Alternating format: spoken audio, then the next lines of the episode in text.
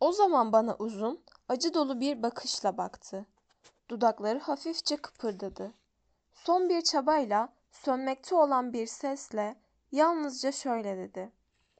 Kimse öğrenmeyecek değil mi? Hiç kimse. Hiç kimse dedim inandırıcı olmak için bütün gücümü kullanarak. Size söz veriyorum. Ama gözleri hala tedirgindi. Alev alev yanan dudakları zor anlaşılır bir şeyler söylemeye çalışıyordu. Yemin edin bana kimse öğrenmeyecek. Yemin. Ant içer gibi elimi kaldırdım. Beni izliyordu. Bir, tarif edilemez bir bakışla, yumuşaktı bakışı, sıcaktı, müteşekkirdi. Evet, gerçekten, gerçekten müteşekkirdi. Bir şeyler daha söylemek istedi. Ama buna gücü yetmedi. Boylu boyunca yatıyordu. Çabalamaktan bitkin düşmüştü. Gözleri kapalıydı. Sonra o korkunç şey başladı. O korkunç şey. Çok zor geçen bir saat boyunca mücadele etti ve bu mücadele ancak sabaha karşı son buldu. Adam uzun süre sustu. Ancak orta güvertedeki çan sessizliğin içinde çınladığında fark ettim sustuğunu. Bir, iki, üç kez sertçe çaldı çan. Saat üç. Ay ışığı matlaşmıştı. Bir başka sarı aydınlık kararsızca titreşmeye başlamıştı havada. Ara ara meltemsi bir rüzgar uçuşuyordu. Yarım saat, bir saat sonra sabah oldu. Berrak bir ışıkla havadaki grilik dağıldı. Adamın yüz hatlarını şimdi daha belirgin görüyordum. Çünkü gölgeler bulunduğumuz köşeye artık o kadar yoğun ve koyu düşmüyordu. Şapkasını çıkarmıştı ve çıplak kafatasının altında kederli yüzü daha korkunç görünüyordu. Ama parlak gözlük camları yeniden bana dönmüştü bile. Kendini toparladı, sesinde alaycı, keskin bir ton vardı. Onun için artık her şey sona ermişti. Ama benim için öyle değildi. Ben orada cesetle yapayalnızdım. Ama yabancı bir evde yapayalnızdım.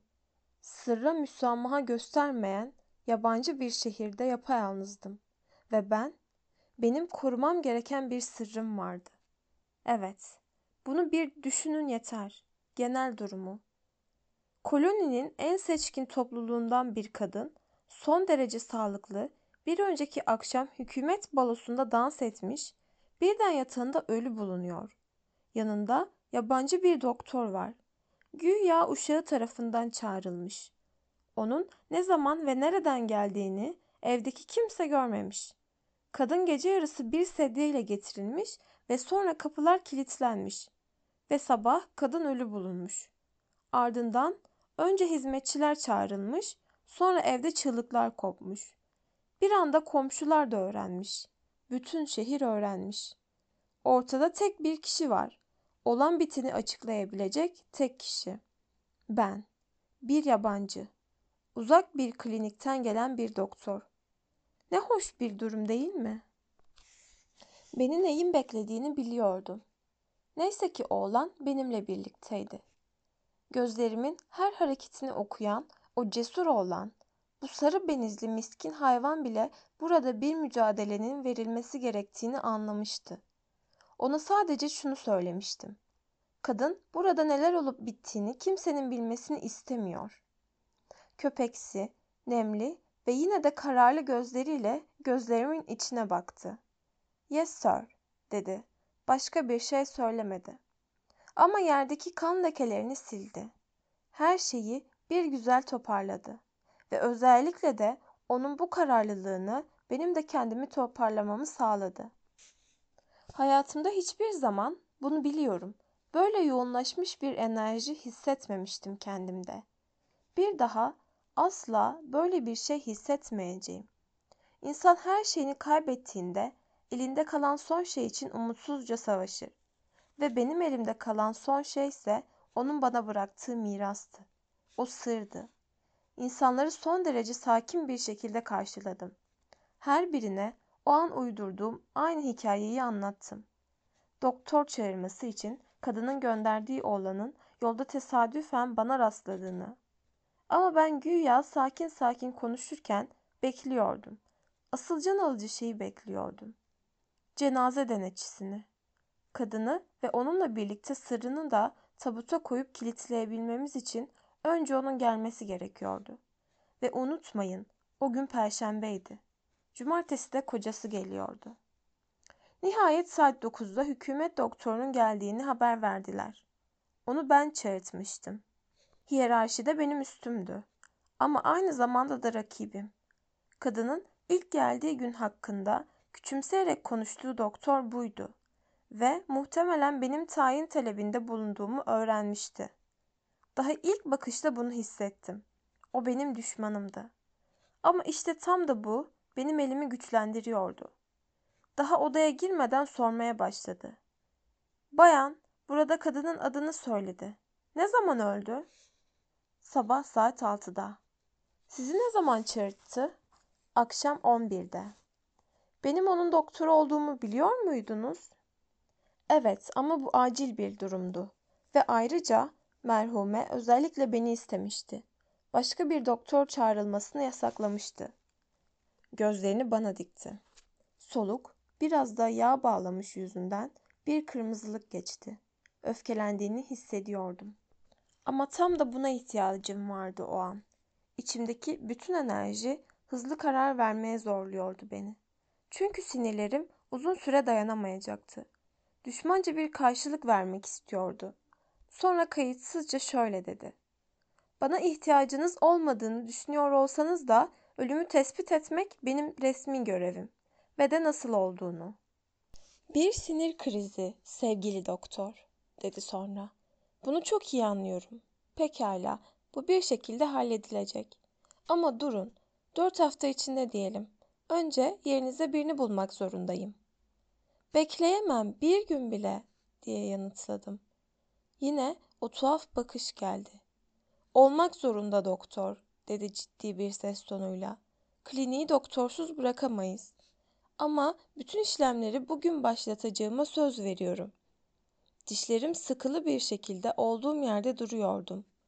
İlk defa satılmış bir insan, bir köle olduğumu açık bir şekilde fark ediyordum. İçimdeki her şey toplanıp katı bir inada dönüşmüştü. Ama o, o esnek adam benden önce davrandı. Siz insanlara yabancılaşmışsınız doktor. Bu da eninde sonunda bir hastalığa dönüşür.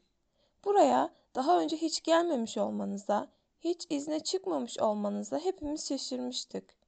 Sizin daha çok insana, daha çok heyecana ihtiyacınız var.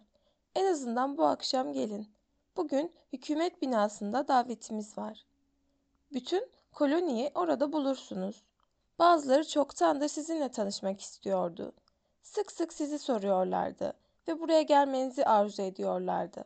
Son söylediği ilgimi çekmişti. Beni soruyorlardı demek. Acaba soranlardan biri de o muydu? Birden başka biri olmuştum. Hemen davet için son derece kibar bir şekilde teşekkür ettim ve tam vaktinde orada olacağıma söz verdim. Ve dakiktim. Gereğinden fazla dakiktim. Size öncelikle söylemek zorundayım ki içimdeki sabırsızlığın dürtüsüyle hükümet binasının büyük salonuna ilk gelen kişi ben olmuştum. Etrafta suskun, sarı benizli hizmetçiler vardı. Çıplak ayaklarıyla yaylana yaylana oradan oraya sekiyorlardı. Ve şaşkın bilincimle bana öyle geliyordu ki arkamdan bana gülüyorlardı. Bütün o sessiz hazırlıklar ortasında 15 dakika boyunca orada bulunan tek Avrupalı bendim. Öylesine yapayalnızdım ki yeleğimin cebindeki saatin tik taklarını duyuyordum. Sonra nihayet aileleriyle birlikte birkaç devlet memuru geldi. En sonunda da vali. Kendisini beni uzun bir konuşmanın içine çekti. Kanımca oldukça akıcı ve şık cevaplar veriyordum. Ta ki, ta ki birden esrarengiz bir heyecana kapıldığım için olacak bütün yumuşaklığımı kaybedene ve kekelemeye başlayana kadar. Sırtımı çelik kapıya dayamış olmama rağmen bir anda onun içeriye girdiğini, onun orada olduğunu hissettim. Nasıl bu ani ve kesin kanaatin şaşırtıcı bir şekilde bana hakim olduğunu size söyleyemem. Ama hala valiyle konuştuğum, sözlerinin yankısı kulaklarımda çınlamaya devam ettiği sırada arkalarda bir yerlerde onun varlığını hissediyordum. Neyse ki vali konuşmasını daha fazla uzatmadı. Yoksa korkarım birden bir kalabalık yapıp arkama dönmek zorunda kalacaktım. Sinirlerimdeki o esrarengiz çekim öylesine güçlüydü. Arzularım öylesine yakıcı bir şekilde uyarılmıştı ki ve gerçekten de arkama döner dönmez onu tamı tamına duygularımın bilinç dışı bir şekilde hissettiği noktada gördüm. İnce, duru omuzlarını mat bir fil dişi gibi ortaya çıkaran sarı bir balo kıyafeti vardı üzerinde. Bir grubun içinde laflıyordu. Gülümsüyordu ama bana öyle geliyordu ki yüzünde gergin bir ifade vardı. Ona yaklaştım. Beni göremiyordu ya da beni görmek istemiyordu. Ve o ince dudaklarını tatlı ve kibarca saran titrek gülümsemesini gördüm. Bu gülümseme beni bir kere daha sarhoş etti. Çünkü bunun, nasıl desem, çünkü bunun yalan olduğunu biliyordum. Sanat ya da teknik, rol yapmakta bir ustalık. Bugün çarşamba diye geçti hızlıca kafamdan. Cumartesi günü kocasının içinde olduğu gemi gelecekti. Nasıl böyle gülümseyebilirdi? Böyle, böyle kendinden emin, kaygısız gülümseyebilir ve yelpazesini korku içinde elinde sıkmak yerine nasıl umursamaz bir tavırla sallayabilirdi? Ben, bir yabancı olarak ben, iki gündür o anın gelmesinden korkuyordum. Ben bir yabancı, ona ait olan korkuyu, dehşeti, duygularımın en aşırı halleriyle yaşıyordum. Ama o baloya gidiyor ve gülümsüyor, gülümsüyor, gülümsüyordu. Arka tarafta müzik başladı. Dans zamanıydı. Yaşlıca bir subay onu dansa davet etti. Özür dileyerek lafladığı gruptan ayrıldı ve adamın kolunda öteki salona doğru gitti. Benim yanımdan geçerek. Beni görür görmez birden yüzü şiddetli bir şekilde kasıldı. Ama sadece bir saniye sürdü bu. Sonra kibar bir baş hareketiyle tanıdığını belirtir bir şekilde tesadüfen karşılaştığı bir tanıdıkmışım gibi selamladı. İyi akşamlar doktor, dedi ve dediği anda geçip gitti.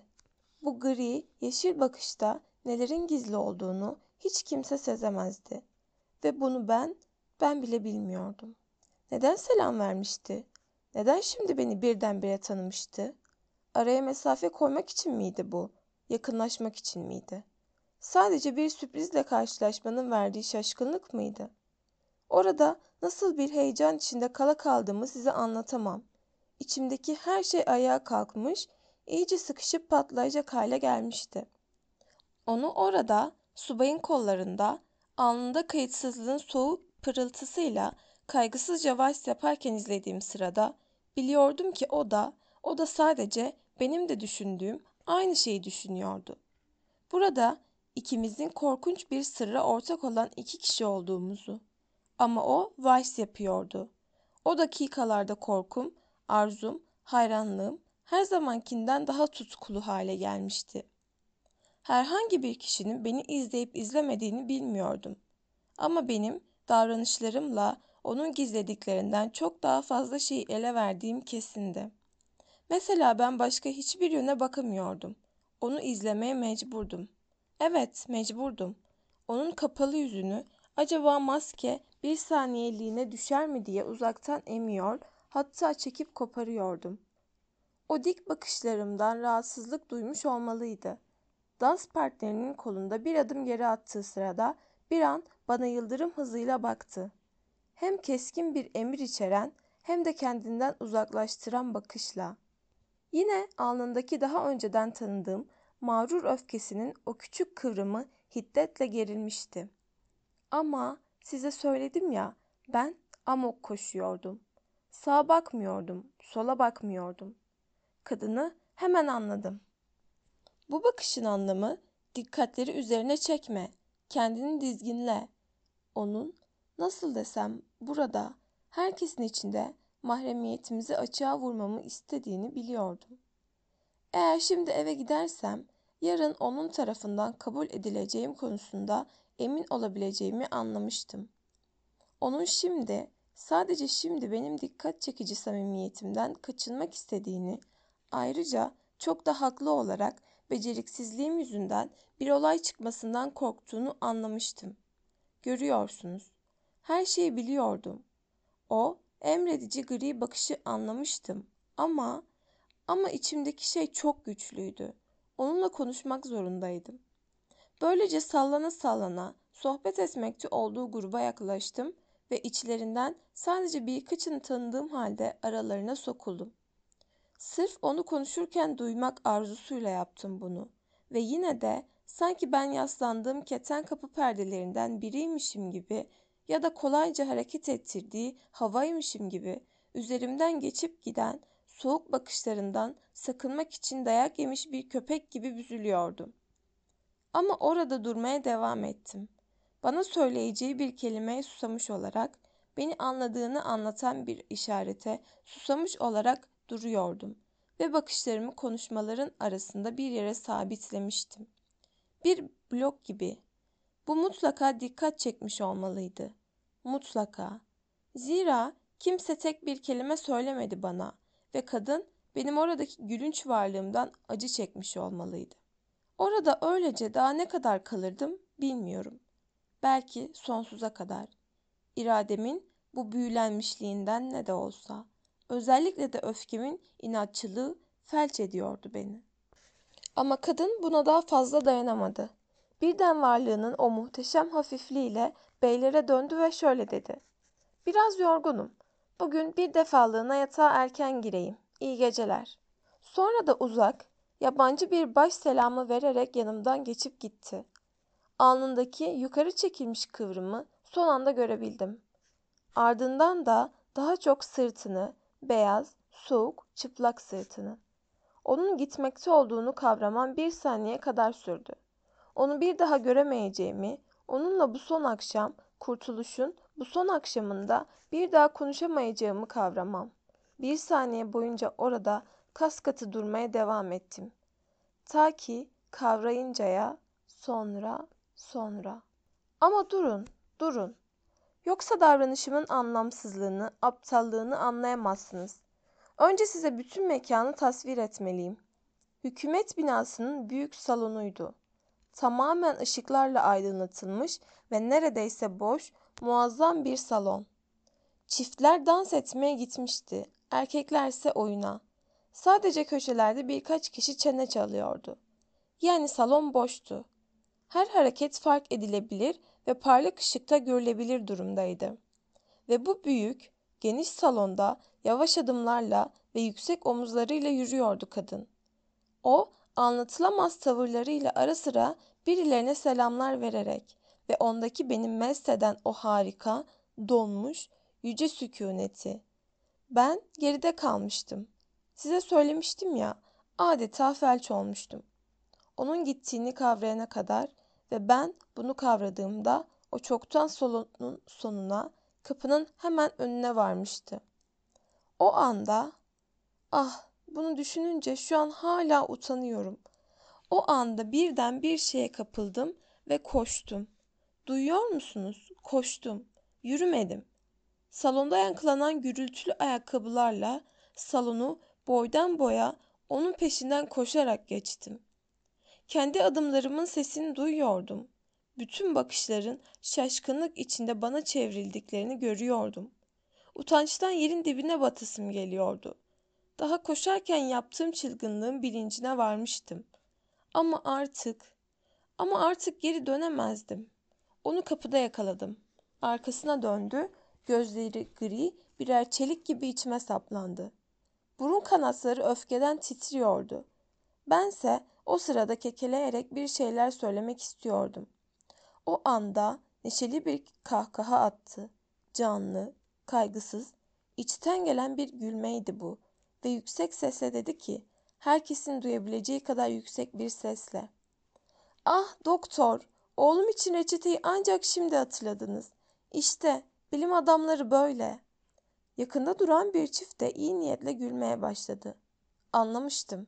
Kadının durumu kurtarmakta gösterdiği ustalığın altında bocalamıştım. Elimi ceketimin iç cebine attım ve not defterinden boş bir yaprak kopardım. Umursamaz bir tavırla yaprağı aldı. Bir kere daha soğuk, müteşekkir bir gülümsemeyle. Sonra gitti. İlk anda bir rahatlama hissettim. Deliliğim onun ustalığı sayesinde telafi edilmiş, durum kurtarılmıştı. Ama benim açımdan her şeyin kaybedildiğini de çabucak anlamıştım. Bu kadının aşırı aptallığımdan ötürü benden nefret ettiğini de, ölümden nefret ettiğinden daha çok nefret ettiğini. Bundan sonra yüz kere daha ve yüz kere daha kapısına dayansam her seferinde bir köpek gibi kovacağını da. Salonda bocalayan adımlarla yürüdüm. İnsanların bana baktıklarını fark ediyordum. Bir şekilde tuhaf görünüyor olmalıydım. Büfeye gittim. Arka arkaya iki, üç, dört bardak konyak içtim. Bu beni olduğum yere yığılıp kalmaktan kurtardı. Sinirlerim artık dayanamıyordu. Harap olmuşlardı. Sonra yan kapılardan birinden süzülerek dışarı çıktım. Bir hırsız gibi gizlice. Dünyanın krallığını verseler o salondan bir daha geçemezdim. Kadının gülmesi hala bütün duvarlarında çınlıyordu. Yürüdüm.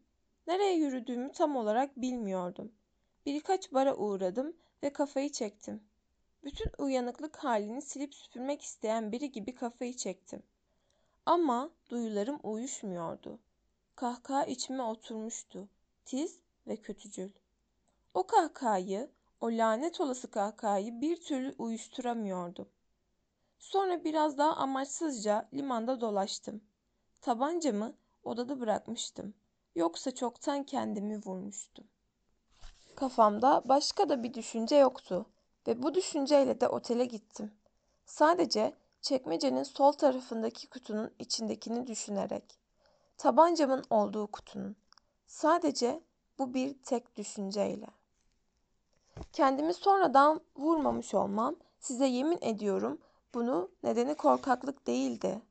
Bu benim için bir kurtuluş olurdu. Tetiğe basıp silahın o kalkık soğuk horozunu indirmek. Ama size bunu nasıl anlatsam? İçimde hala bir sorumluluk hissediyordum. Evet, o yardım etme sorumluluğu, o lanet olası sorumluluk. Onun bana hala ihtiyacı olabileceği düşüncesi beni deli ediyordu. Bana ihtiyacı olduğu düşüncesi. Odaya geldiğimde perşembe sabahı olmuştu bile ve cumartesi size söylemiştim ya, cumartesi gemi geliyordu ve kadın bu kibirli, gururlu kadın kocasına karşı, dünyaya karşı duyduğu bu utançtan sağ çıkamazdı. Bunu biliyordum. Ah, anlamsızca boşa geçirilen o değerli zamanlarda bu düşünce beni nasıl da mahvediyordu. Zamanında yapılabilecek bütün yardımlara engel olan çılgın, gülünç acelecilik. Saatlerce, evet saatlerce size yemin ederim odamda volta attım.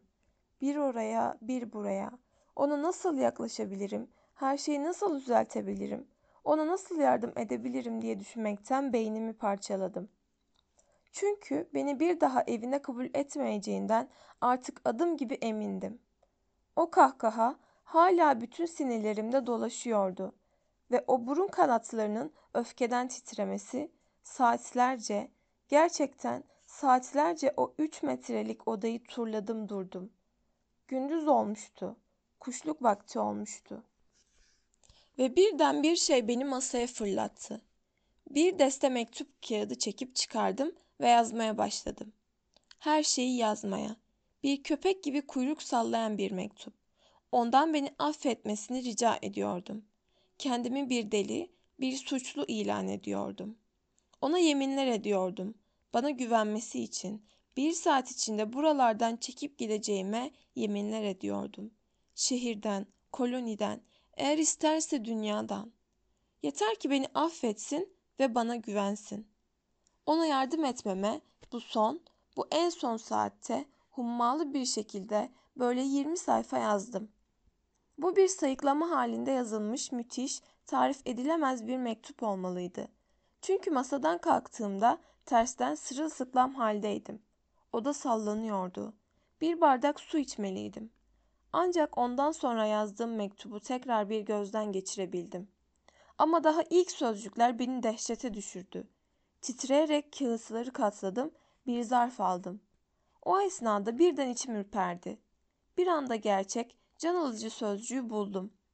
Tekrar kalemi parmaklarımın arasına aldım ve son sayfaya şöyle yazdım. Sahildeki otelde affedildiğime dair bir sözcük bekliyorum. Eğer saat 7'ye kadar bir cevap alamazsam kendimi vuracağım. Sonra mektubu aldım, bir komi çağırdım ve ona mektubu ivedilikle teslim etmesini tembihledim. Nihayet her şey söylenmişti. Her şey. Yanımızda bir şey şıngırdadı ve tıngırdadı. Ani bir hareketle viski şişesini devirmişti. Onu tekrar bulmak için elleriyle yeri yokladığını ve ani bir hamleyle yakaladığını duydum. Geniş bir yay çizdirerek boş şişeyi küpeştenin üzerinden denize fırlattı. Ses birkaç dakikalığına sustu. Sonra hummalı bir şekilde yeniden başladı. Bu sefer öncekinden daha heyecanlı ve daha telaşlıydı. Artık inançlı bir Hristiyan değilim ben. Benim için cennet ve cehennem yok. Şayet varsa bile ondan korkmuyorum. Çünkü o gün kuşluk vaktinden akşama kadarki sürede yaşadıklarımdan daha kötü olamaz. Küçük bir oda düşünün. Güneşin altında kavrulan, hele öğle sıcağında yanıp tutuşan bir oda. Küçük bir oda, bir masa, sandalye ve yatak ve masanın üzerinde bir saat ve bir tabanca. Başka hiçbir şey yok ve bir de masanın önünde duran bir insan. Gözlerinin masadan, saatin saniye ibresinden bir an bile ayırmayan bir insan. Yemeyen, içmeyen, sigara tüttürmeyen ve hiç kıpırdamayan bir insan. Sürekli sadece dinleyin. Sürekli sadece 3 saat boyunca saatin beyaz kadranına ve tiktak ederek bu kadranı dolaşan o saniye göstergesine böyle böyle günü geçirdim. Sadece bekledim, bekledim, bekledim. Ama şöyle bekledim. Bir amok koşucusu nasıl beklerse öyle. Anlamsız, hayvansı, çılgınca, düz çizgide ilerleyen bir inatla. Pekala, o saatleri size anlatmayacağım. Bunlar anlatılamaz. Bir insanın bu durumdan nasıl kurtulduğunu bizzat ben bile anlayamıyorum. Yani, yani delirmeden. Neyse. Saat 3'ü 22 geçe. Bunu tam olarak biliyorum. Çünkü gözlerimi saatten ayırmıyordum. Birden kapıya vuruluyor, içimden sıçrıyordum. Bir kaplanın avına atlaması gibi atlıyorum. Bir hamlede odayı aşıp kapıya ulaşıyorum. Koparırcasına çekip açıyorum. Kapının önünde korkmuş, küçük bir Çinli çocuk var. Elinde katlanmış bir pusula tutuyor. Ben kağıdın üzerine hırsla atlarken o da fırlayıp gidiyor ve gözden kayboluyor.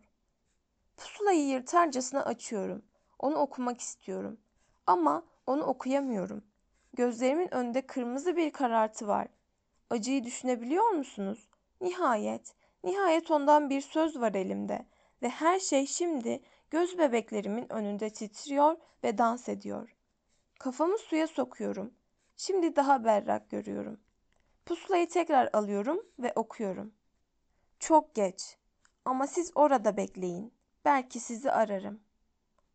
Eski bir broşürden koparılmış o kırış kırış kağıt parçasında imza yok. Aceleci, karman çorman kurşun kalem hareketleriyle yazılmış. Ama aslında düzgün olduğu belli olan bir yazı. O kağıt parçasının beni neden bu kadar sarstığını bilmiyorum. İçinde dehşet verici, gizemli bir şey vardı. Sanki bir kaçış sırasında yazılmış gibiydi. Durup bir pencere pervazında ya da hareket halindeki bir araçta. O esrarlı kağıt parçasında ruhuma vuran soğuk bir şey vardı. Korkudan, nefretten, dehşetten oluşan tarifsiz bir şey. Ama ben mutluydum. Kadın bana yazmıştı. Ölmek zorunda değildim artık. Ona yardım edebilirdim. Ve belki, ah, delice varsayımların ve umutların içinde tamamen kendimi kaybetmiştim. Yüz kere, bin kere okudum o küçük kağıt parçasını. Öptüm onu. Gözden kaçmış, unutulmuş bir sözcük kalmış mı diye enine boyuna inceledim. Hayallerim giderek derinleşti, karmaşıklaştı. Açık gözlerle gerçekleşen Hayaller içinde bir uyku durumu. Bir tür felç. Uykuyla uyanıklık arasında tamamıyla cansız ama hareketli de bir hal. Belki 15 dakika süren, belki de saatler.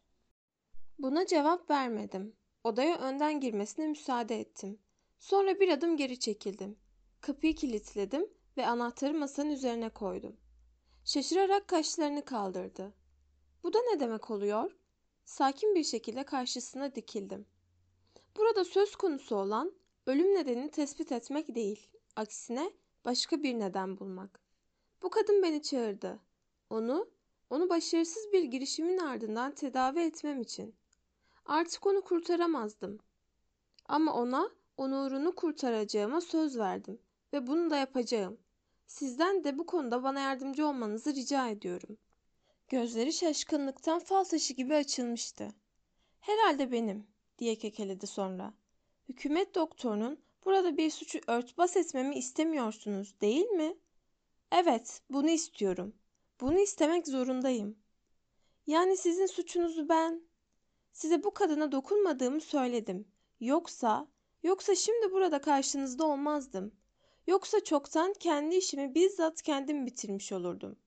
Bu kadın suçunun eğer böyle adlandırmak isterseniz cezasını çekti. Dünyanın bunu bilmesine gerek yok. Ve ben bu kadının onurunun şimdi gereksiz yere kirletilmesine izin vermeyeceğim. Kararlı ses tonum onun giderek daha fazla sinirlenmesine yol açmıştı. İzin vermeyeceksiniz demek. Pekala. Ne de olsa benim amirimsiniz. Ya da en azından öyle olduğunuzu sanıyorsunuz. Durmayın. Bana emretmeyi deneyin. Zaten ilk aklıma gelen şey buydu. Sizi bulunduğunuz köşeden buraya çağırdıklarında işin içinde bir pislik olduğunu anlamıştım. Temiz bir uygulama, burada giriştiğiniz şey temiz bir numune. Ama şimdi ben muayene edeceğim. Ben, siz de altında benim imzam bulunan bir raporun hakiki olacağından emin olabilirsiniz. Bir yalanın altına imza atmayacağım. Son derece sakindim. Evet, bu sefer buna mecbursunuz. Zira bunu yapmadan bu odadan çıkamayacaksınız. Bunu söylerken elimi cebime attım. Tabancam yanımda değildi. Ama adam ürktü. Ona doğru bir adım attım ve gözlerimi gözlerine diktim. Dinleyin, size bir şey söyleyeceğim. Ki işler tamamen çığırından çıkmasın. Hayatımın benim için hiç önemi yok. Başkalarınınkinin de yok. Ben zaten bu noktadayım. Benim için önemli olan tek şey verdiğim sözü yerine getirmek ve bu ölüm nedeninin gizli kalması. Dinleyin. Size şerefim üzerine söz veriyorum.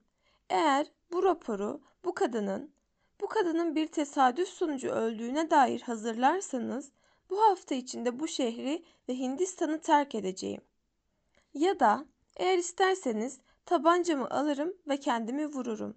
Tabut toprağa gömülür gömülmez ve hiç kimsenin anlıyorsunuz. Hiç kimsenin artık inceleme yapmayacağından emin olur olmaz. Bu kadarı herhalde sizin için yeterli olacaktır. Yeterli olmak zorunda. Sesimde tehditkar, tehlikeli bir şey olmalıydı. Çünkü gayri ihtiyari ona yaklaşmaya kalktığımda büyük bir korkuyla geri sıçradı. Tıpkı, tıpkı işte insanların elinde salladığı hançeriyle kendi üzerlerine doğru gelen amok koşucusunu gördüklerinde yaptığı gibi. Birden bambaşka biri oldu. Bir şekilde sindi ve olduğu yerde kala kaldı. Sert tutumu kırıldı. Son bir kez cılız bir itirazla mırıldandı. Hayatımda ilk kez sahte bir belgenin altına imza atmış olacağım. Neyse, nasıl olsa bir yolu bulunur. Sonuçta neler olduğu biliniyor. Ama ben durup dururken böyle kesinlikle yapmamalısınız dedim ona yardımcı olmak ve desteklemek için. Hadi çabuk, hadi çabuk diye bir şey tik tak edip duruyordu şakaklarımda. Ama şimdi sadece yaşayan birini üzeceğinizi ve ölmüş birine korkunç bir şey yapacağınızı bilseydiniz kesinlikle hiç tereddüt etmezdiniz.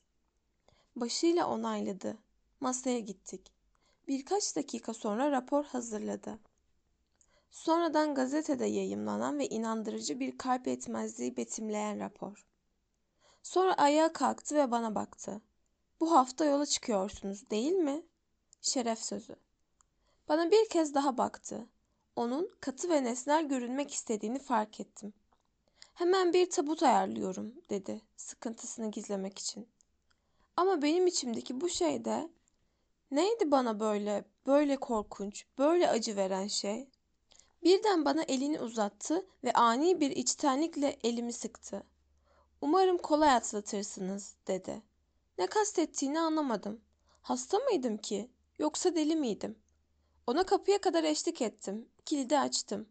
Ama o çıktıktan sonra kapıyı kapatan şey kalan son gücümdü. Sonra şakağımdaki tiktaklar yeniden başladı. Etrafımdaki her şey sallanıyor ve dönüyordu.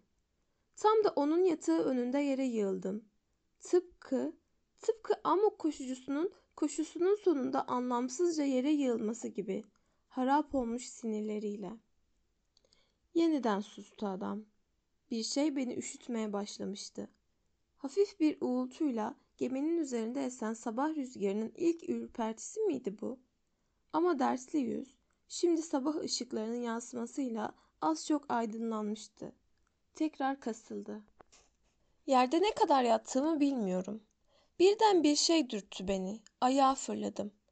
O oğlandı. Saygılı ve utangaç bir ifadeyle karşımda duruyor ve tedirgin bir şekilde gözlerime bakıyordu. Birisi içeriye girmek istiyor. Onu görmek istiyor. İçeri kimse giremez.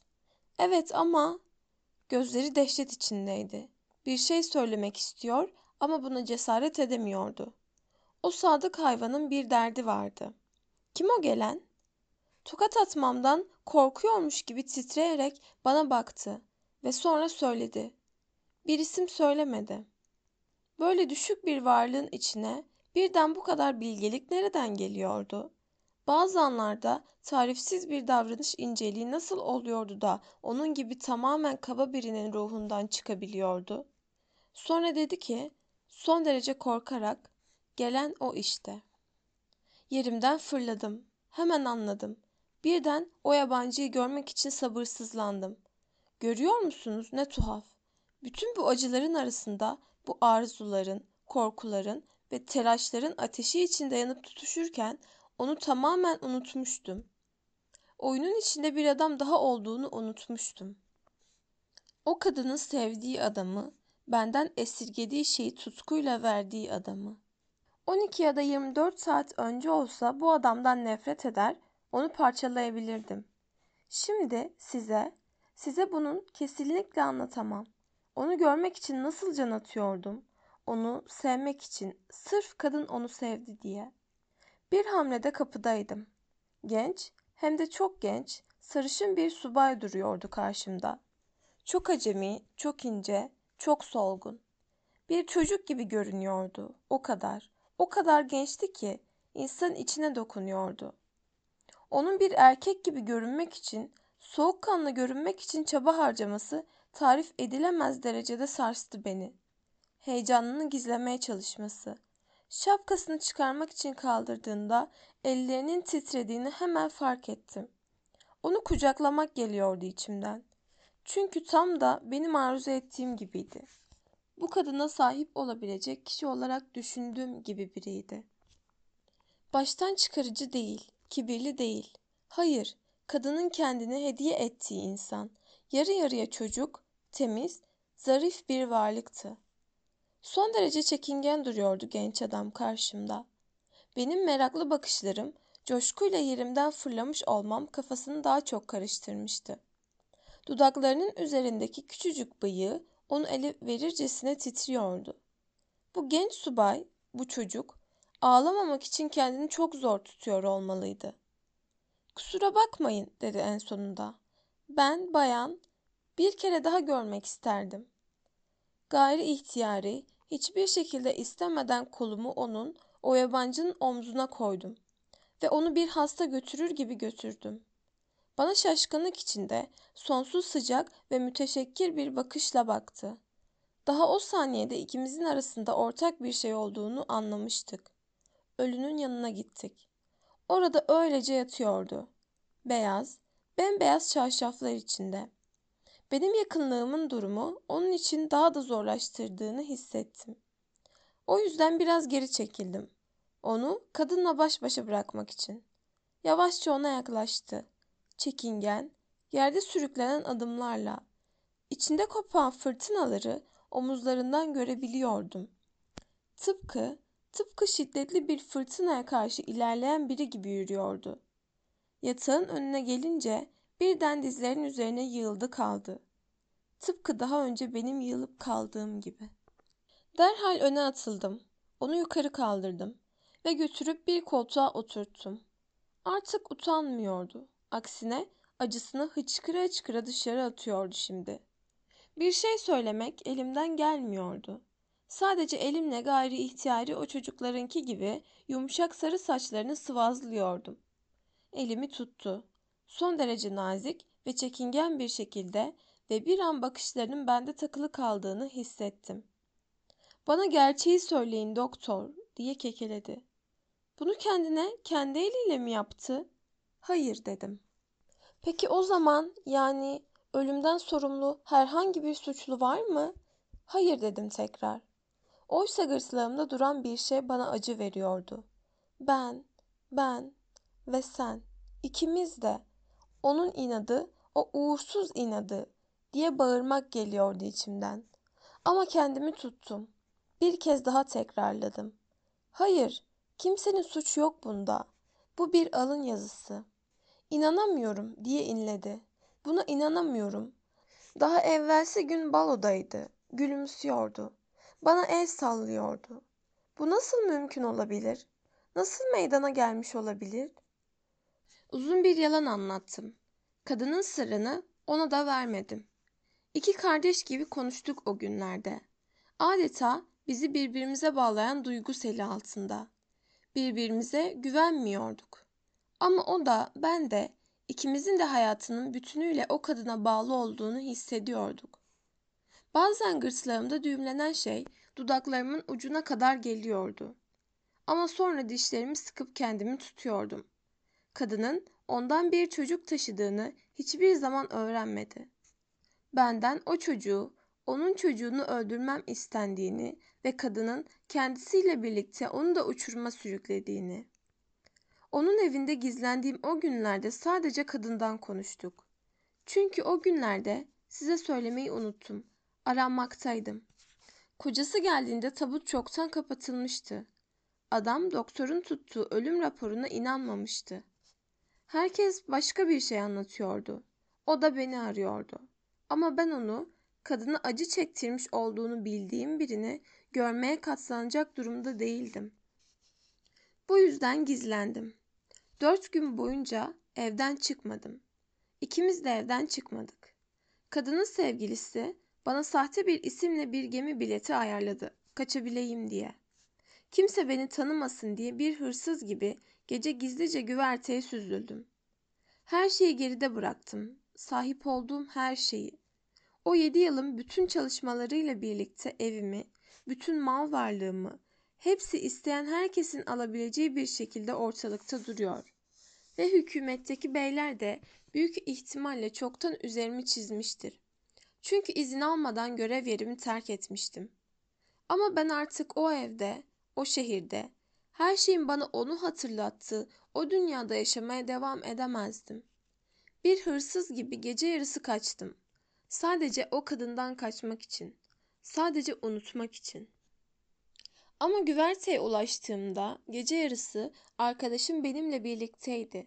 Orada, orada vinçle bir şey yüklüyorlardı. Dikdörtgen, siyah, onun tabutu. Duyuyor musunuz? Onun tabutu. Beni buraya kadar takip etmişti. Tıpkı benim onu takip ettiğim gibi. Ama benim durup uzaktan izlemem gerekiyordu. Çünkü o da, kocası da oradaydı. Onu İngiltere'ye götürüyordu. Belki orada otopsi yaptıracaktı. Kadını kendine çekip almıştı. Şimdi o yine ona aitti. Artık bize ait değildi. Bize, ikimize. Ama ben hala oradayım. Son dakikaya kadar onunla birlikte gidiyorum. O adam, o hiçbir zaman öğrenmemeli. Onun sırrını her türlü girişime karşı koruyacağım. Kadının onlardan kaçıp ölüme gittiği o düzenbazlara karşı. Hiç, Hiçbir şey öğrenmeyecek ol. O kadının sırrı bana ait. Yalnızca bana.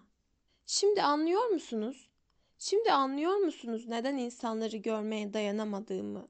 Gülüşmeleri duymaya, flört etmelerine ve birlikte olmalarına.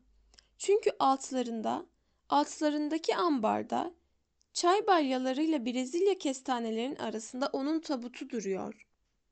Oraya gidemiyorum. Ambar kilitli. Bütün duyularımla biliyorum. Her saniye biliyorum. Burada vals ve tango yapsalar da bir yandan da aptalca bu deniz milyonlarca ölünün üzerinde süzülüyor. Ayak basılan her karış toprağın altında bir ölü çürümekte. Ama yine de ben katlanamıyorum. Katlanamıyorum. Maskeli balolar düzenlemelerine ve şehvetle gülmelerine. O ölü, onu hissediyorum ve benden ne istediğini biliyorum. Biliyorum bir görevim daha var. Henüz işim bitmedi. Henüz onun sırrı kurtarılmış değil. O beni henüz özgür bırakmadı. Geminin orta bölümünden yerde sürünen ayak sesleri, alkışlar, bağırışlar geliyordu. Tayfalar güverteyi ovmaya başlamışlardı. Adam yakalanmış gibi ayağa fırladı.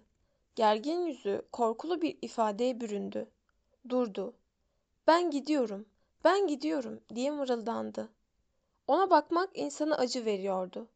Harap bakışları, içkiden ya da gözyaşlarından kıpkırmızı olmuş, şişmiş gözleri. Onun duygularını paylaşmamdan sakınmaya çalışıyordu. Kambur duruşunda bir utanç hissediyordum. Sonsuz bir utanç. O gece bana sırlarını açtığı için gayri ihtiyari şöyle dedim. Acaba öğleden sonra kameraya yanınıza gelebilir miyim? Bana baktı. Sert, ironik bir hareketle gerildi dudakları. Kötü bir şeyler çıkaran ve her sözcüğü eğip büken bir hareketle İşte, işte o olağanüstü yardım etme göreviniz. İşte, bu vecizeyle benim çenemi açmayı başardınız. Ama hayır, hayır bayım. Teşekkür ediyorum. Bağırsaklarımdaki bütün pisliği önünüze döktüm diye iyice rahatladığımı sanmayın sakın. Berbat olan hayatımı artık kimse düzeltemez. Gördünüz. Saygıdeğer Hollanda devletine bedavaya hizmet ettim. Emekliliğim yandı. Yoksul bir köpek olarak Avrupa'ya geri dönüyorum. Bir tabutun arkasından kuyruk sallayan bir köpek. Bir amok koşucusuysanız uzun süre cezasız kalamazsınız. Eninde sonunda sizi yere sererler ve umarım benimki de yakındır. Hayır, teşekkürler bayım. Hayırsever ziyaretiniz için. Kamerada bir yol arkadaşım var zaten. Birkaç şişe iyi kaliteli viski. Onlar beni bazen avutuyor ve maalesef kendisini zamanında ustaca kullanamadığım o eski arkadaş. Browning marka tabancam. Ne de olsa o bütün gevezeliklerden daha çok işe yarar. Lütfen hiç zahmet etmeyin. Elimizde kalan son insan hakkı herhalde şudur. Canının istediği şekilde geberme hakkı ve dışarıdan bir yardımla rahatsız edilmeme hakkı. Bana bir kez daha alaylı bir ifadeyle hatta meydan okurcasına baktı. Ama hissediyordum. Bu sadece utançtı. Sınırsız bir utanç. Ardından omuzlarını büzdü. Arkasına döndü. Selam vermeden ve tuhaf bir şekilde yamuk bir yürüyüşle ayaklarını yerde sürüyerek artık epeyce aydınlanmış olan üst güverteden geçerek kameralara doğru gitti. Onu bir daha görmedim. O gece ve onu izleyen gecelerde onu aynı yerde nafile aradım durdum. Ortadan kaybolmuştu. Eğer daha sonra yolcuların arasında kolunda yas bandı olan birine, sonradan bana söyledikleri gibi karısını tropikal bir hastalık sonucu kaybetmiş Hollandalı bir tüccara rastlamamış olsaydım, bir rüya gördüğümü ya da hayali bir varlıkla karşılaştığımı düşünebilirdim. Tüccarın ciddi ve üzgün bir ifadeyle diğerlerinden ayrı bir yerde birileri bir geri yürüyüp durduğunu görüyordum. Onun en gizli derdini bildiğim düşüncesi bana tuhaf bir çekingenlik veriyordu. Ne zaman onun karşıdan geldiğini görsem yana çekiliyordum. Benim onun yazgısı hakkında kendisinden daha fazla şey bildiğimi bir bakışımla ele vermemek için.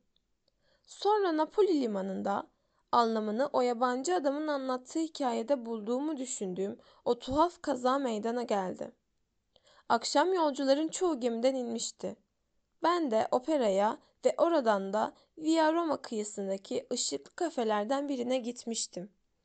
Filika ile gemiye geri döndüğümüz sırada birkaç tane botun meşaleler ve asetilenli lambalarla bir şeyler arayarak geminin etrafında dolaştıklarını fark etmiştim. Aynı zamanda yukarıda gemide de sağa sola koşuşturan polisler ve jandarmalar vardı. Sayfalardan birine neler olup bittiğini sordum. Konuşmasının yasak olduğunu hemen belli eden bir hareketle cevap vermekten kaçındı.